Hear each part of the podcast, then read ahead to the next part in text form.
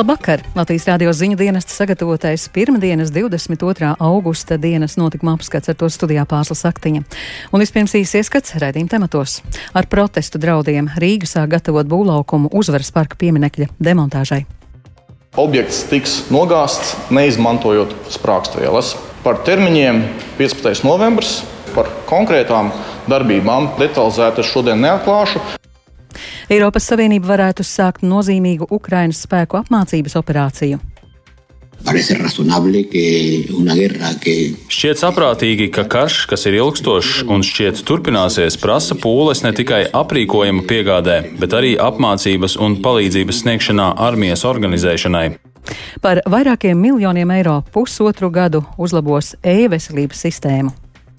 Izskatās, ka par iepriekšējo neizdarīto darbu šobrīd un šodien atbildīgs nav neviens. Nu, tas nozīmē, ka nauda ir iztērēta, kāds kaut ko arī izdarījis, nevienam neinteresē tas rezultāts. Eiropas Savienība spriedīs par lielas apmācības operācijas uzsākšanu Ukrainas spēkiem tai tuvējās valstīs. Par to paziņoja Eiropas Savienības augstais pārstāvis ārlietās un drošības politikā Žozeps Borels. Tikmēr Krievijas drošības dienesti apgalvo, ka aiz automašīnas sprādziena Maskavas pievārtē, kurā bojā gājas stingrā Krievijas ideologa Aleksandra Dugina meita, stāv Ukraina. Par visu plašāk stāsta Rihards Plūme. Eiropas Savienības augstais pārstāvis ārlietās un drošības politikā Žuzeps Borels pirmdien norādīja, ka priekšlikums par lielas apmācības operācijas uzsākšanu Ukrainas spēkiem te tuvējās valstīs tiks apspriests nākamnedēļ, divu dienu Eiropas Savienības aizsardzības ministru sanāksmē, kas nākam pirmdien sāksies Prāgā. Preses konferencē Santanderā, Spānijas ziemeļos, viņš pauda cerību, ka šāda misija tiktu apstiprināta está durando Šķiet saprātīgi, ka karš, kas ir ilgstošs un šķiet turpināsies, prasa pūles ne tikai aprīkojuma piegādē, bet arī apmācības un palīdzības sniegšanā armijas organizēšanai. Un tas ir tas, kas tiek apspriests starp dalību valstīm un tiks apspriests politiski nākamnedēļ, nākam pirmdien Prāgā aizsardzības ministru padomē, un es ceru, ka tas tiks apstiprināts.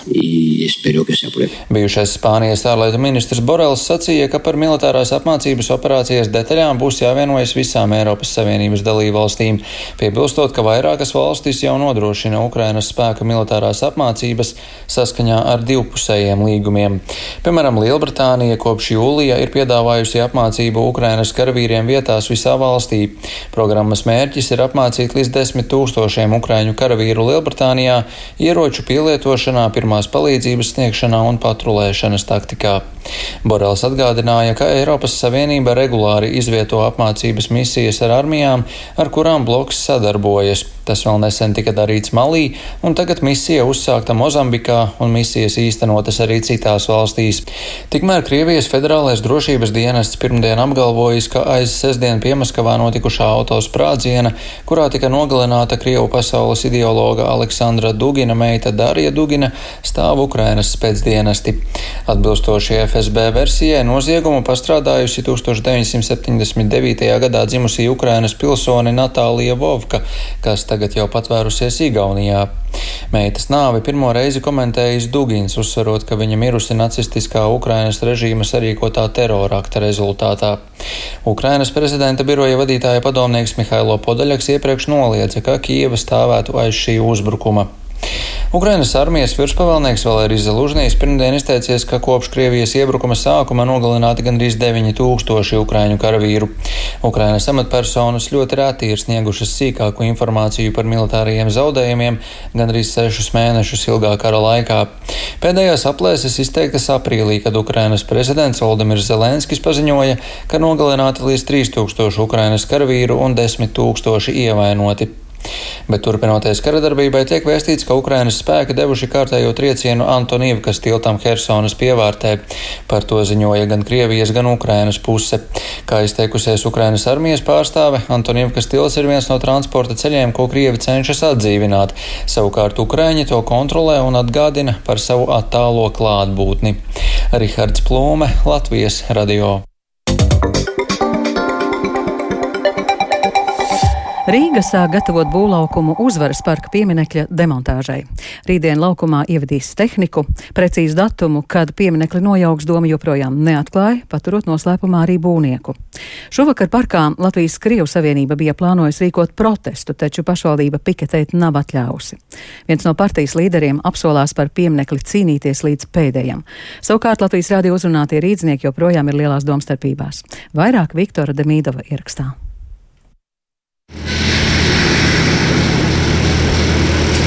Fonā dzirdams, kā Hermaņa ielā pie uzvaras parka uzstāda pāris metrus augstu metālisku žogu.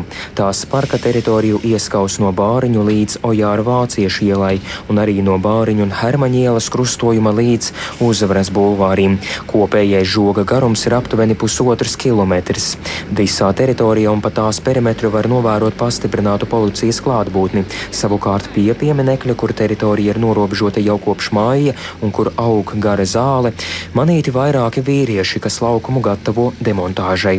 Rīgas doma informēja, ka rītdien staļinismu un nacisma upuru atceres dienā parkā ievedīs tehniku, lai vēsturisko pieminekli gāstu.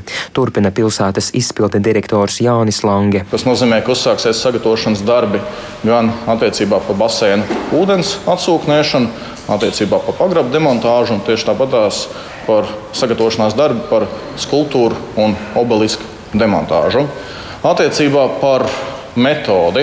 Tas, ko es varu pateikt, ka gan projektēšanas laikā, gan arī ar būvniekiem veicot pārunas, tika apskatītas visas iespējamās metodes, un objekts tiks nogāzts neizmantojot sprāgstvielas. Par termiņiem 15. novembris. Es ļoti labi saprotu mediju interesi par konkrētām darbībām, bet par tām detalizēti es šodien neatklāšu. Bet es varu pateikt tikai to, ka ar veselo saprātu mēs informēsim medijus pirms katra lielāka darba, lai mums būtu iespēja iesaistīties. Ar jaunāko informāciju par pieminiekļa nojaukšanu pašvaldības sabiedrību baro reti. Turklāt joprojām atsakās atklāt, kurš uzņēmums demontāžu veiks. Vien pasakot, ka to atklās pēc 15. novembra, kad būs zināmas arī precīzas darba izmaksas, kas pašlaik lēstas 2,1 miljonu eiro vērtībā. Latvijas radio neoficiālā informācija liecina, ka ģenerāla uzņēmējs jeb darbu organizētājs būs vietējais uzņēmums, bet reālo demontāžas darbu veikšanai nolīgta kāda Lietuvā reģistrēta kompānija. Uzvaras parkā šovakar Latvijas Krievu Savienība bija plānojusi protestēt pret pieminekļu nojaukšanu, taču Rīga akciju nav atļāvusi rīkot. Partijas līdzpriekšsādētājs Miroslavs Mitrofānaus norādīja, ka šādam notikumam bija gatavs. Mums bija jau sagatavots iesniegums tiesā, un tagad mēs gaidām, kad būs nozīmēts laiks tiesas sēdī. Par savām tiesībām izteikties un protestēt mēs uh, cīnīsimies līdz galam, bet legāli un tikai un uh, tiesiskā veidā, nevis uh, ar kaut kādiem neatļautiem pasākumiem. Mitrofānovs atzīmē, ka partija ir neapmierināta ar domas pamatojumu, kurā esot norādīts, ka viņa partija sadarbojas ar Krievijas federāciju, taču politiķis to kategoriski kategoriski noraida, piebilstot, ka tas no pašvaldības skan smieklīgi. Veicot ierakstu Latvijas radio uzvaras parkā nevienu protestētāju nav manījis. Redzēti tikai garām gājēji, kas ar saviem bērniem nolēmuši pavadīt laiku parka teritorijā vai pie tās. Lūk, ko saka pilsētnieki. Sirds sāp par tam notikumam, jo man liekas, ka kaut kā nu, nav labi tomēr, ka tas šobrīd notiek. Abi divi, gan mana vecmāma, gan mans vectētiņš, viņi abi divi kāroja, un agrāk mums bija pieņemts ģimenē, ka mēs gājām uz 9. māju pie pieminiekļa vienmēr, un man ir diezgan labas, adekvātas tādas atmiņas. Šobrīd, kad viņi visi nomiruši, mēs braucam tikai uz kapiem, pie pieminiekļa mēs neejam, bet tik un tā man tas piemineklis netraucē. Šeit dzīvo 30 gadus. Память, как бы, то, что Допустим, там какая-то советская символика. Tas ir atmiņas, un tas, ka uz pieminiekļa ir kaut kāda padomju simbolika, un tie notikumi, kas tagad norit Ukrainā, savā starpā nav nekā saistīti. Es kopumā vērtēju pozitīvi, tikpat labi arī neitrāli. Bet, nu, protams, viss tas, kas šobrīd notiek pasaulē, skaidrs, ka kaut kā uz to ir jārēģē. Manuprāt, tas ir tāds ļoti labs veids, kā reaģēt, kā nojaukt kaut kādas nesaprotamas līdz šim diezgan objektus Latvijā. Kā ir, kā ir. ja, tāpēc, ka man vēsture ne, ne, nepatīk. Man ne, nav tādu interesantu, kā būs tālāk. Dzīvo kā ir. Cilvēkiem arī jautāts, kā vērtē domas nostāju neļaut rīkot protestu. Vairums no viņiem uzskata, ka Rīga apspiež demokrātiju. Viktors Demidovs, Latvijas radio. Vācijai priekšā kritiska ziema un ir aktīvi jādomā par gāzes infrastruktūras izbūvi. Par to paziņojas Vācijas ekonomikas ministrs Roberts Habeks, kurš kopā ar kancleru Olafu Šolcu ir devušies uz Kanādu, lai diskutētu arī par nākotnes energoresursu līgumiem. Habeks norādījis, ka gāzes trūkums gan pašlaik nav lielākā Vācijas problēma. Vācijas lielākā problēma pašlaik nav sašķidrinātās dabasgāzes trūkums, kā apgalvo daudz iedzīvotāji. Problēma Vācijā ir Krievijas gāzes cauruļvadiem alternatīvas infrastruktūras trūkums. Mēs pašlaik ceļam pagaidu objektus, un pēc tam tie būs fiksēti termināļi, kuriem mums ir gāze. Vācijas uzņēmumi ir iepirkuši pietiekami daudz gāzes pasaules tirgos un joprojām turpina to darīt. Taču Vācijai nav infrastruktūras, kas padarītu mūs neatkarīgus no Krievijas un šāda infrastruktūra tagad ir jāizveido. Taču par spīti visam mums priekšā stāv ļoti kritiska ziema. Mums ir jāpaturprātā, ka Putins turpinās samazināt gāzes plūsmu. Ar pilnām krātuvēm mums būs drošības spilvens, un mēs ceļam alternatīvas. Taču joprojām ir atšķirības starp pagājušā gada gāzes apjomiem un sagaidāmo patēriņu. Ar ekonomiskās pārvaldības palīdzību mums šī situācija ir jāregulē, lai šī atšķirība nepārvērstos krīzē. Tā Vācijas ekonomikas ministrs Roberts Hābeks. Pakistānas policija bijušajam premjerministram Imranam Hanam izvirzījusi apsūdzības valsts pret terorismu akta pārkāpšanā par iespējamu draudu izteikšanu valsts amatpersonām. Policijas izmeklēšana sāk pēc tam, kad bijušais premjers apsūdzēja policiju un tiesu iestādes tuva palīga aizturēšanā un spīdzināšanā. Šis Hana palīgs aizturēts saskaņā ar apsūdzībām par dumpi. Pašlaik Hanam līdz ceturtdienai ir piemērots drošības līdzeklis. Kopš Pakistānas premjera Imrana Hana gāšanas no varas aprīlī viņš ir skaļi kritizējis valsts valdību un armiju, turpina Rihards Plūme. Pēc tam, kad parādījās ziņas par izmeklēšanu pret bijušo Pakistānas premjeru Imranu Hanu, simtiem viņa atbalstītāju pulcējās pie ekspremjera mājas Islamabadā, solot pārņemt galvaspilsētu, ja policija mēģinās viņu aizturēt. Neskatoties uz amata zaudēšanu, Hans joprojām bauda daudzu Pakistānas vēlētāju atbalstu. Tikmēr Hana politiskie sabiedrotie pirmdien brīdināja, ka gāstā līdera arests būtu sarkanās līnijas pārkāpšana. Islamabadas augstākā tiesa novirzījusi Hana lietu uz pretterorisma tiesu, sakot, ka tas ir piemērots fórums, lai risinātu šo jautājumu.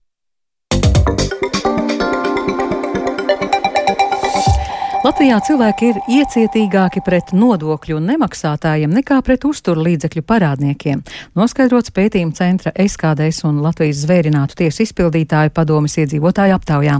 Tomēr, salīdzinot ar citiem gadiem, nosodījums pret uzturlīdzekļu nemaksātājiem samazinās, tikmēr neiecietība pret nodokļu un administratīvo sodu nemaksātājiem palielinās. Vairāk par aptaujas rezultātiem stāsta Linda Spundiņa. Jūnijā veiktajā aptaujā secināts, ka 74% aptaujāto ļoti negatīvi vai drīzāk negatīvi vērtē cilvēkus, kuri labprātīgi nemaksā uzturlīdzekļus saviem bērniem. Tas ir par 2% mazāk nekā 2019. gada aptaujā. Tāpat kā iepriekš, salīdzinoši kritiskāk uzturlīdzekļu nemaksātājs vērtē sievietes nekā vīrieši. Savukārt pret nodokļu nemaksātājiem sabiedrībā valda lielāka tolerance. 54% respondentu ļoti negatīvi vai drīzāk negatīvi vērtē nodokļu un nodevu parādniekus. Tomēr šis rezultāts ir labāks nekā 2018. gada veiktajā aptaujā. Mazāk nekā trešdaļa respondentu šajā jautājumā ir neitrāli. Galvenais secinājums - sabiedrības attieksme mainās no piedzinēja statusa, teica Latvijas zvērnātu tiesu izpildītāja padomas priekšsādātāja Iveta Kruka. Noteikti kopējai sabiedrības attieksmei pret konkrēto parāda veidu, ir arī ietekme uz izpildes rādītājiem. Jo viennozīmīgi, būt parādā uzturlīdzekļus saviem bērniem, tā ir kauna lieta. Nereti tā ir arī objektīva situācija, nu, kaut kāda apstākļu sakritība un finansiālas grūtības, bet netik striktā attieksme pret, piemēram, šiem nodokļu parādniekiem vai administratīvo sodu lietām, nu, veicina pašos parādniekos arī tādu pašu attieksmi. Nu, un tas arī, protams, nereti kavē veiksmīgu izpildi. Latvijā top jauna digitālās veselības sistēma. Tās mērķis ir ar moderniem risinājumiem padarīt pacientiem ārstniecību un aprūpi pieejamāku, kā arī atvieglot ārstniecības personu darbu. Jauna sistēma nepieciešama, jo esošā e-veselība ir nērta un lēna. Paredzams, ka pirmie rezultāti sagaidāmi gada līdz pusotra gada laikā. Latvijas radio aptaujā tās nozeres profesionāļu organizācijas saka, ka svarīga ir ārstniecības personu iesaiste izstrādē, taču līdz šim tas īsti nav bijis. Plašāk Lindas Pundiņas sagatavotajā ierakstā. Jau aptuveni pusgadu tiek strādāts pie jaunas digitālās veselības sistēmas koncepta izstrādes. Tas ir plašs procesu kopums, ko patērētāji, pacientu un ārstniecības personas izjutīs, kā uzlabot esošo e-veselības vietni ar plašākām funkcijām. Sagaidāms, ka ārstniecības personām būs pieejami pacientu izmeklējumi un citi dati. Savukārt pacientiem mūsdienīgi pakalpojumi un vieglāk piekļuvu medicīnas speciālistiem, sola nozars ministrija. Process ir sākuma stadijā, saka Nacionālā veselības dienesta pārstāvis Māris Dreimanis. Domāju, ka pilotējamās apakšnozarēs eh, noteikti mēs runājam par eh, gada līdz pusotra griezumam eh, atkarībā no tā, kā mēs definējam to beigu stāvokli. Tagad viens no virzieniem, pie kura tiek strādāts, kurš potenciāli šie risinājumi tiks veidots jau uz jauniem principiem, ir saistīts ar onkoloģiju, kur attiecīgi ir gan ārstniecības profesionāļi tiek iesaistīti, gan arī no valsts puses dažādas organizācijas. Latvijas radio aptaujātās ārstniecības profesionāļu organizācijas pastiprinātu iesaisti procesā gan neizjūt. Esošo e-veselību kritizē Latvijas jauno ārstu asociācijas valdes priekšsādātājs Arturs Šilovs. Es nebūtu tik ļoti optimistisks, sakot, ka tagad pēkšņi tiks izveidota jauna ideāla sistēma, ja tiks izdarīts tādas pašas kļūdas, kā mums bija iepriekšējās esošās veselības sistēmas izstrādē. Tas nozīmē, ka pirmkārt ir jābūt iesaistītām visām pusēm. Ir jāuzklausa ne tikai ārstu un medicīnas personāla viedoklis, bet arī jāļauj izmēģināt un jāieklausās tajā, kāda ir tā atgriezniskā saita. Izskatās, ka par iepriekšējo neizdarīto darbu šobrīd un šodien atbildīgs nav neviens. Nu, tas nozīmē, ka nauda ir iztērēta, kāds kaut ko arī izdarījis, nevienam neinteresē tas rezultāts. Ko es gribēju teikt, ka ir jābūt skaidrām atbildībām, ir jābūt saprotamam, ka tas rezultāts ir uh, sasniegts vai viņš atbilst tam pieprasījumam. Latvijas ģimenes ārstu asociācija no jaunās sistēmas sagaida, ka tā būs ātra, ērta un droša, saka asociācijas vadītājs Armīta Veida. Diemžēl mēs visu laiku saskaramies ar to, ka sistēma ir lēna, nepārtraukti ir traucējumi, soļi ir gari, līdz ar to, lai tiktu pie rezultāta par drošību pat ir grūti spriest. Veidu uzskata, ka pirms ķeras pie jaunas sistēmas veidošanas vispirms jāsaved veco kārtībā. Pacientu tiesību aizstāvi Latvijas Reto slimību alianse arī kritizē esošo sistēmu. Alianses valdes priekšsādātāja Baiba Ziemela uzskata, ka veidojot jauno sistēmu jāuzklausa pacientu intereses. Kā pacientu organizācijas mēs ministrijai principā pēdējos desmit gadus vismaz esam regulāri iesnieguši priekšlikumus, kā uzlabot esošo sistēmu un kāda dati ir nepieciešama, kāda reģistra ir nepieciešama un kā tas viss ir jāsaliek kopā, lai tas strādātu pacientu un valsts interesēs bet uh, es nevaru apgalvot, ka mēs tur esam iesaistīti pilnībā, jo pagaidām man nav informācijas ne par to, kādas aktivitātes notiek, ne kas tur kādi projekti, kā tas viss virzīsies uz priekšu, tikai tik, cik mēs izlasam mēdījos, tik mēs arī zinām. Digitālās veselības sistēmā šobrīd plānots ieguldīt līdz 3 miljoniem eiro, savukārt turpmāko trīs gadu laikā, caur atvesļošanās un noturības mehānisma Eiropas finansējumu, vēl 4,2 miljonus eiro datu pārvaldības sakārtošanai. Linda Spundiņa, Latvijas radio. Jaunās digitālās veselības ekosistēmas izstrādē jāiesaista nozares pārstāvji. Norāda Latvijas Informācijas un komunikāciju tehnoloģijas asociācijas prezidenta Signe Bāliņa. Risinājumam jāatbilst šī laika prasībām. Ar tā izstrādi nedrīkst kavēties, kā tas notika ar e-veselību, saka Bāliņa. Ar viņu sarunājās Linda Spundiņa. Mēs pašlaik runājam par sistēmu, kas tika plānota tālajā, jau tālajā 2007. un 2008. gadā, un kas tika realizēta nu, arī jau ļoti, ļoti ilgu laiku atpakaļ. Un, protams, ka jebkurai sistēmai viņai ir visu laiku jāattīstās. Bija zināmas kļūdas, kas bija pieļautas jau varbūt izstrādājot šo sistēmu. Un, ir laiks jaunai sistēmai, jaunai nomaiņai. Kādas ir galvenās kļūdas, kuras veidojot jauno sistēmu nevajadzētu pieļaut? Nu, katrai sistēmai ir kaut kādas jaudas, kaut kādas noslodzes, pie kurām viņi ir rēķinātas, un es pieļauju, ka tie novērtējumi ir pārāk zemi, teiksim, tiem apjomiem, kas mums ir nepieciešami. Un tad ir jautājums, nu, kādā veidā un ko var darīt, lai to mainītu, lai to uzlabotu mūsdienās izmanto mākoņu risinājums, kur viens no šiem iemesliem ir tieši tas, lai Tādā gadījumā, ja sistēmā ir kāds pārslodzes, ja ir daudz lietotāju kādā vienā laikā, lai šīs jaudas var dinamiski palielināt un lai nebūtu šīs problēmas, ka sistēma nestrādā. Jo, protams, kad viena no problēmām ar esošo e-veselību, viens ir varbūt šī funkcionalitāte, bet otrs ir, protams, lai šī sistēma strādātu. Neviens cits kā ārsts tik labi nezina, kas ir nepieciešams ārstam, teiksim, ārsts šeit digitālajā darba vidē, un arī tāpat tās māsas, medmāsas vai slimnīcas administrācijai. Un Un man šķiet, ka iepriekšējā sistēma veidojot bija pārāk maza sistēmas galveno turētāju iesaiste. Šajā prasību definīcijā šī sistēma varbūt vairāk balstījās uz normatīvo vidi, mazāk uz tiem procesiem, uz tiem reālajiem procesiem, nu, kādi viņi ir. Tā vēl viena lieta, ka tad, kad esošā e-veselības sistēma tika izstrādāta, tas, kā tās sistēmas izstrādāja, ka tur gadiem definēja prasības, tad nodefinēja prasības, un tad bija jāizstrādā sistēma, kur, kur tieši atbilst prasībām, varbūt arī pat tādā situācijā, ja dzīvē kaut kas ir mainījies un dzīvē nepieciešams kaut kas cits. Pašlaik šī pieeja, kā informācijas sistēmas tiek veidotas, ir kardināli mainījusies. Tā vairs nedrīkstētu darīt, ja mēs tur ilgi definējam, un pēc tam mēs vēl ilgāk to visu izstrādājam, un tad, kad mēs piegādājam, tad vairāk īstenībā dzīve ir mainījusies.